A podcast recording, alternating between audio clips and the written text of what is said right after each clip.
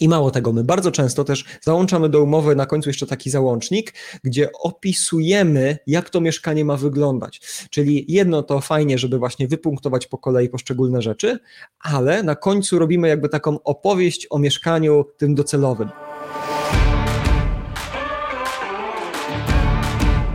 Słuchasz podcastu Inwestowanie w mieszkania, odcinek 28. Z tej strony Jeremiasz Gorzędowski. W dzisiejszym odcinku posłuchasz o 11 ważnych zapisach w umowie remontowej. Nagrywałem ten odcinek na żywo i zapytałem uczestników, czy znali wszystkie kwestie, które należy wpisać do umowy, i ani jedna osoba nie powiedziała, że tak, znam wszystko. Ciekawe, jak będzie w Twoim przypadku.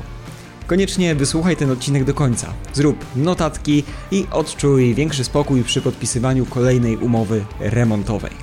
Będzie nie tylko o karach umownych, ale też o tym, dlaczego większość ubezpieczeń nie zadziała, jeśli mieszkanie jest w trakcie remontu, oraz o tym, co zrobić, aby ekipa dbała nie tylko o mieszkanie, ale także o klatkę schodową i jej czystość.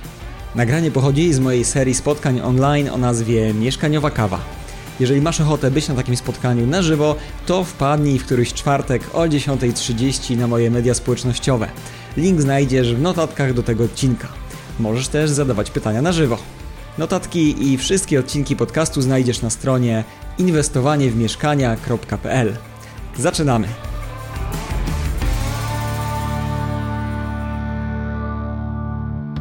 Jaki e, to jest pierwszy punkt, jeżeli chodzi o ważne zapisy w umowie remontowej? No i tak naprawdę chciałem zacząć od tego, że naprawdę e, ważny i to już jest pewien sukces, jeżeli ta umowa w ogóle jest zawarta i to jeszcze na piśmie. O co mi chodzi? E, no niestety mimo tych lat y, edukowania inwestorów y, właśnie w zakresie remontów, to widzę, że nadal sporo osób niestety, ale zawiera umowę tylko na gębę i tyle, tak? Idą do przodu, bo ekipa ich umówiła, że namówiła, że będzie taniej, że będzie bez VAT-u, Swoją drogą to też ostatnio nagrałem taki filmik, gdzie analizuję, że nie, nie, faktura bez VAT-u to jeszcze gorzej. Możecie na tym zarobić, jeżeli to będzie faktura VAT-owa, nawet w mieszkaniówce, gdzie tego VAT-u nie rozliczycie. Tak? Jak chcecie wiedzieć więcej, to, to obserwujcie kanał, gdzieś ten filmik też Wam się pojawi. Tak?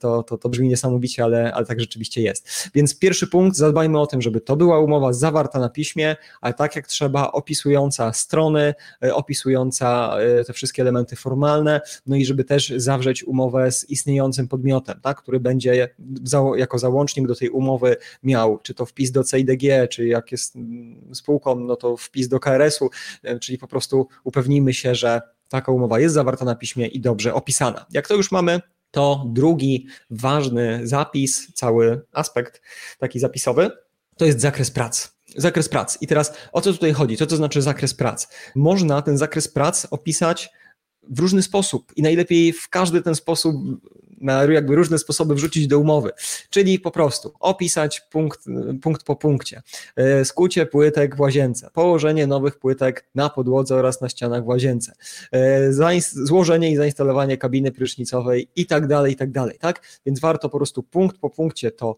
opisać. E, oprócz tego warto jako zakres prac załączyć też harmonogram też tych prac, tak? E, ponieważ harmonogram można byłoby to traktować prawie że jako osobny punkt, tak? że sam harmonogram też jest ważny, zaraz przejdziemy też o, o, do innego punktu, gdzie tam też czas będzie ważny. Natomiast harmonogram e, wymaga, żebyśmy jeszcze raz wszystkie prace spisali, bardzo często opisujemy je w inny sposób. W związku z tym uzupełniamy niejako ten nasz zakres prac podstawowy. I mało tego, my bardzo często też załączamy do umowy na końcu jeszcze taki załącznik, gdzie opisujemy, jak to mieszkanie ma wyglądać. Czyli jedno to fajnie, żeby właśnie wypunktować po kolei poszczególne rzeczy, ale na końcu robimy jakby taką opowieść o mieszkaniu tym docelowym. Czyli e, piszemy sobie na przykład, przedmiotem tej umowy remontowej jest mieszkanie e, znajdujące się w stanie do generalnego remontu, gdzie na podłogach są, jest stary parkiet na ścianach, częściowo odpadające tynki, częściowo y, tapety i tak dalej, i tak dalej. I potem opisujemy, mieszkanie ma być przygotowanym mieszkaniem na wynajem. Y, odbierając pracę, inwestor oczekuje, że mieszkanie będzie kompletnie wyposażonym i przygotowanym do najmu lokalem, razem, zasłonkami i tak dalej, i tak dalej. Tak? Czyli wiecie, czyli jakby opisujemy też kontekst, bo potem jak zapomnieliśmy w tym zakresie, gdzie były wszystkie punkty czegoś opisać, to potem ta opowieść o tym mieszkaniu docelowym, ten kontekst, no to jasno daje nam jakby taką jasną jasność też, żeby pokazać ekipie, no sorry, no to jakby miało być gotowe mieszkanie. Czy jeżeli nie ma uchwytu na papier toaletowy, to to jest gotowe mieszkanie? no dobra, powiedzmy, że łazienka też może działać, jak nie ma uchwytu na papier toaletowy, ale kwestia jakichś innych elementów, tak, które są niezbędne, włączników, gniazdek, oświetlenia, tak, no to nie może być tak, że będzie wystawał kabel, przewód gdzieś tam z sufitu, nie będzie tego oświetlenia, nawet jeżeli zapomnieliśmy tego wypisać, no to to nie jest kompletne mieszkanie, tak, więc warto ten zakres prac też właśnie w taki sposób, w taki sposób opisać. Trzeci punkt, termin wykonania i kamienie milowe. To jest y, kluczowe, żeby właśnie ten termin doprecyzować. On nam też będzie potrzebny do innych punktów ważnych. Zaraz też w kolejnych punktach dowiesz się, jakie to są elementy. Ten termin wykonania to jest termin końcowy prac, ale nie tylko. Ważne, żeby były kamienie milowe, zwłaszcza przy większym remoncie. O co chodzi? Czyli mam taki naprawdę bardzo duży remont, który ma się na przykład za dwa miesiące skończyć, albo nawet za trzy, niech to będzie 100 metrów w kamienicy na, na, na kilka kawalerek. I teraz y, ja muszę mieć zgodnie z umową pewne narzędzia, które mi pozwolą, żeby y, móc w trakcie prac już podjąć pewne działania. Czyli jak będę miał tylko termin końcowy, to jak przyjdę za dwa miesiące i zobaczę, że jest w rozsypce, no to ciężko będzie rozmawiać o konkretach z ekipą remontową, bo ja będę mówił, że no jak, panowie, dwa miesiące minęły, nic nie jest zrobione, przecież miesiąc tego nie skończycie. A oni powiedzą, spokojnie, będzie pan zadowolony. Tak, ekipy mówią, będzie pan zadowolony, w miesiąc my tu dzień, noc będziemy robić, skrzykniemy do tych chłopaków, ale skończymy. No oczywiście nie skończy się to dobrze, jeżeli macie taką historię, to, to już tak wam powiem na 100%. Natomiast mając kamienie milowe, to ja przychodzę już po tygodniu i mówię, panowie, tydzień minął, kamień milowy tygodniowy mówi, że tu już rozbiórka powinna być zrobiona. Odbieramy to, albo nie odbieramy i nie ma kasy. Drugi tydzień to, trzeci to i tak dalej. Tak więc termin wykonania jest ważny. On nam też będzie potrzebny, y, zaraz mówię, do kolejnego punktu ale e, no, kamienie milowe też są bardzo, bardzo ważne. E, tutaj widzę, że, że Tomasz też pyta, czy te informacje są w książce na temat remontów. Książce na temat remontów, oczywiście jest bardzo dużo informacji na, w książce, mowa o remonty, podręcznik inwestora, e, w tej książce jest bardzo dużo wiedzy remontowej, jest oczywiście też o najważniejszych zapisach umowy remontowej, więc tutaj mamy takie rzeczy jak ocena mieszkania przed remontem, projektowanie mieszkania, harmonogram, szacowanie kosztów remontu, prawne aspekty, ekipy remontowe, techniki wykonywania prac, tak? Tego jest bardzo dużo, więc o umowach tutaj też oczywiście y, poczytasz. Natomiast no już takim mm, bardzo mocnym kompendium wiedzy, jeżeli chodzi o remontowanie, to jest nasz kurs Szkoła Remontowania dla Inwestorów, tak? Bo tam jest ponad 10 godzin twardego mięcha po prostu, które mówi o tym, co robić. No i też y, kurs Szkoła y, Remontowania dla Inwestorów daje dostęp do zamkniętej grupy na Facebooku, gdzie cały czas się komunikujemy, piszemy sobie do siebie i tak dalej, nie? Więc, y, więc to po prostu to po prostu jest jeszcze fajniejsze. Także jak najbardziej podręcznik zachęcam. Wiecie, no to jest ponad 200 stron wiedzy remontowej, więc na pewno bardzo, bardzo dużo informacji znajdziecie. Bardzo ciekawych, cały czas aktualnych, więc to jest y, y, pierwszy krok. Natomiast drugi krok to, to kurs szkoły remontowania. Dobra, wracamy do naszego tematu tutaj, czyli 11 ważnych zapisów. Czwarty punkt, wynagrodzenie za poszczególne prace. Czy oczywiście, że znowu w takiej umowie remontowej musimy wskazać, jakie, są wynagro- jakie jest wynagrodzenie za ogół prac, ale też rozbijmy to. Rozbijmy to na szczegóły. Możemy to powiązać, jak już mamy, wiecie, harmonogram, jak mamy kamienie milowe, to układa nam się to pięknie w jedną całość i e, jesteśmy w stanie przypisać do każdej z tych elementów cząstkowe wynagrodzenie, które składa się na całkowite wynagrodzenie.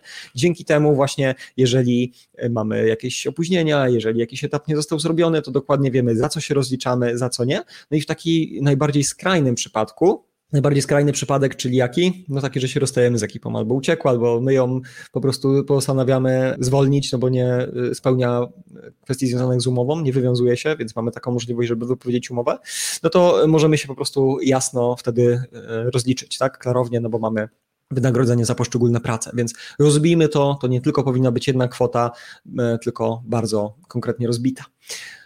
Punkt piąty, sposób e, płatności. E, I nie mówię tutaj o tym, czy to ma być przelew, czy gotówka, bo, bo to też są w ogóle kwestie skarbowe i jeżeli mamy powyżej 15 tysięcy złotych, no to jeżeli zlecamy to jako działalność gospodarcza, musimy pamiętać, żeby robić split paymentem, taki przelew.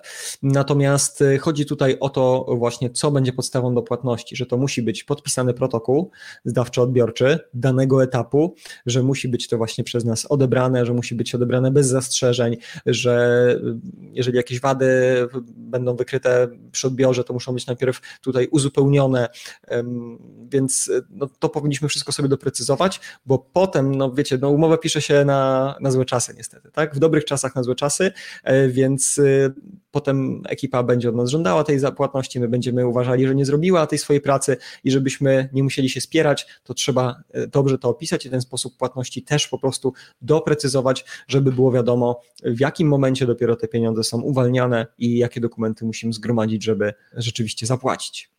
Szósty punkt związany z płatnościami, jak tutaj już sobie weszliśmy, to kwestia rozliczeń za materiały i zakupy. Czyli powinniśmy w umowie doprecyzować, ok, ale ta płatność to jest za co? Za robociznę, a może jeszcze za materiały, ale za jakie? Czy za budowlane, czy również za materiały wykończeniowe? To wszystko musimy sobie doprecyzować, co z kwestią właśnie zakupów, nie, też wyposażenia. No i też y, wspomniałem o tym VAT-ie, tak? Ostatnio taką rolkę e, nagrałem, co, co z tym VAT-em, jaka stawka VAT, kiedy 8%, kiedy 23%. No i nawet jeżeli my nie jesteśmy VAT-owcem, to i tak możemy zarobić jako zlecający remont, jeżeli pozwolimy ekipie te materiały kupować, jeżeli ona jest VAT-owcem. Dokładnie takie obliczenia właśnie robiłem, mam na to też tabelkę, gdzie tutaj w szkole remontowania to pokazuję i taka tabelka też jest, tak, do przeliczenia sobie, więc to to jest bardzo ważne, ale doprecyzujmy to, żeby po prostu nie było potem wątpliwości. Natomiast nawet jak rozliczamy się i to wynagrodzenie jest i za materiały, i za robociznę, to i tak, e, tak jak poprzedni był punkt, rozbijmy to, co jest za co, żeby potem dokładnie było wiadomo, po prostu w jakim zakresie, kiedy za co się możemy rozliczać. No i unikajmy zaliczek. Znaczy, jeżeli to jest pierwsza współpraca, to bym powiedział, że w ogóle żadnych zaliczek nie, nie dawajmy, niestety ekipie, no bo musimy ją przetestować. Ona musi nas przetestować, my musimy ją przetestować. W związku z tym e, po prostu jeżeli no, ekipa nawet y, twierdzi, że nie ma kasy na materiały, zdarza się, no to, to chodźmy z ekipą do sklepu i gdzieś tam, nawet jeżeli będzie fakturę brała na siebie, to możemy zapłacić przy kasie gotówką, tak, będzie to płatność, tak jakbyśmy dali ekipie remontowej, od razu niech się ekipa podpisze, że na tą kasę niejako otrzymała i od razu jest płatność za materiały, tak, ale, ale tak będzie bezpiecznie, jak już się bardzo dobrze znamy, to, to oczywiście możemy jakoś tam to y, pomyśleć o pewnych y, rozsądnych zaliczkach, ale tylko na materiał, nie na robociznę, tak? Robocizny nigdy nie y, zaliczkujemy, tylko i wyłącznie ewentualnie materiały. No i punkt siódmy, bardzo ważny, kara umowna. Kara umowna. Kary umowne, słuchajcie, muszą być. Muszą być. Nie dlatego, żeby z nich korzystać, chociaż jak już jest taka potrzeba, no to oczywiście korzystamy i mamy taką możliwość, ale kary umowne mają podkreślić ekipie remontowej że ten termin, na który się umawiamy, to jest takim terminem solid, takim terminem, który rzeczywiście obowiązuje i żeby mieli świadomość, jakie są konsekwencje tego, że jak oni tego terminu nie dotrzymają, to co się dzieje.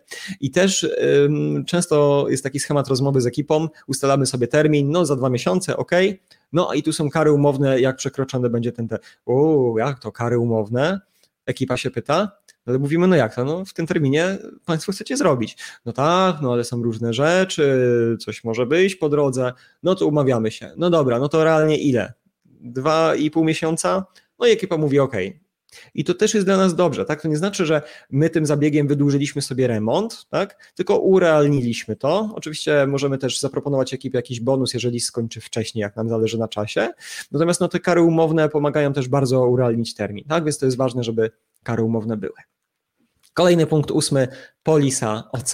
Tutaj dużo osób pyta, ale po co my wymuszamy na tej ekipie, żeby miała swoją polisę? Przecież mam ubezpieczone mieszkanie.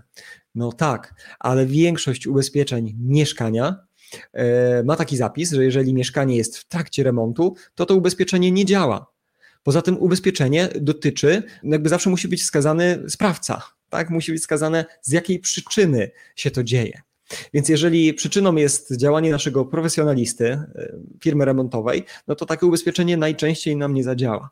Mamy niektóre ubezpieczenia pojedyncze, gdzie jest klauzula, że w trakcie remontu też to działa, to warto dopytać brokera, ale większość takich ubezpieczeń nie będzie działała w trakcie remontu, dlatego potrzebujemy, żeby ekipa miała swoje OC, no bo też, e, wiecie, no zdarza się podczas remontu, pęknie rurka, zalejemy kilku sąsiadów, kilkadziesiąt tysięcy złotych szkód. No niestety zdarza się, tak? Nawet jeżeli wszystko było zrobione zgodnie ze sztuką i po to jest ubezpieczenie, bo ekipa no nie zawsze będzie miała te kilkadziesiąt tysięcy, czy często nie będzie miała, żeby te szkody nam pokryć, tak? Więc musimy o tym pamiętać. Kolejny punkt, dziewiąty, podwykonawcy. sugerowałbym, żeby w umowie zawrzeć taki dedykowany zapis, żeby nie było podwykonawców, ponieważ no, zmiana przepisów jakiś czas temu sprawiła, że jak tacy podwykonawcy będą, im ten nasz główny wykonawca nie zapłaci, to mogą do nas przyjść, żebyśmy my zapłacili i mamy problem, więc tak w skrócie powiedziałbym, że najlepiej, żeby tego zapisu o podwykonawcach po prostu nie było. Więcej oczywiście w książce o tym też piszemy a propos tego, więc o takich rzeczach te, te tematy też są opisane w kursie. Natomiast jeżeli chodzi o podwykonawców, lepiej, żeby ich po prostu nie było. E, kolejny punkt, wnoszenie materiałów, odbiory towarów. To jest też ważne, żeby to doprecyzować i taki zapis osobny dać. Czyli teraz, ok, zamówiliśmy towar, wybraliśmy nasze ulubione płytki i co teraz? Mamy umówić sam transport, czy transport z wniesieniem? Ekipa jest domówiona, że oni to będą odbierać, czy nie? Doprecyzujmy to wszystko, żeby uniknąć potem napięć i dodatkowych kosztów, gdzie okaże się, że ekipa, no nie, no jak, no przecież my nie wnosimy, my nigdy nie wnosimy, my dbamy o zdrowie naszego kręgosłupa, no znaczy jak pan dopłaci, to wniesiemy, ale tak to nie.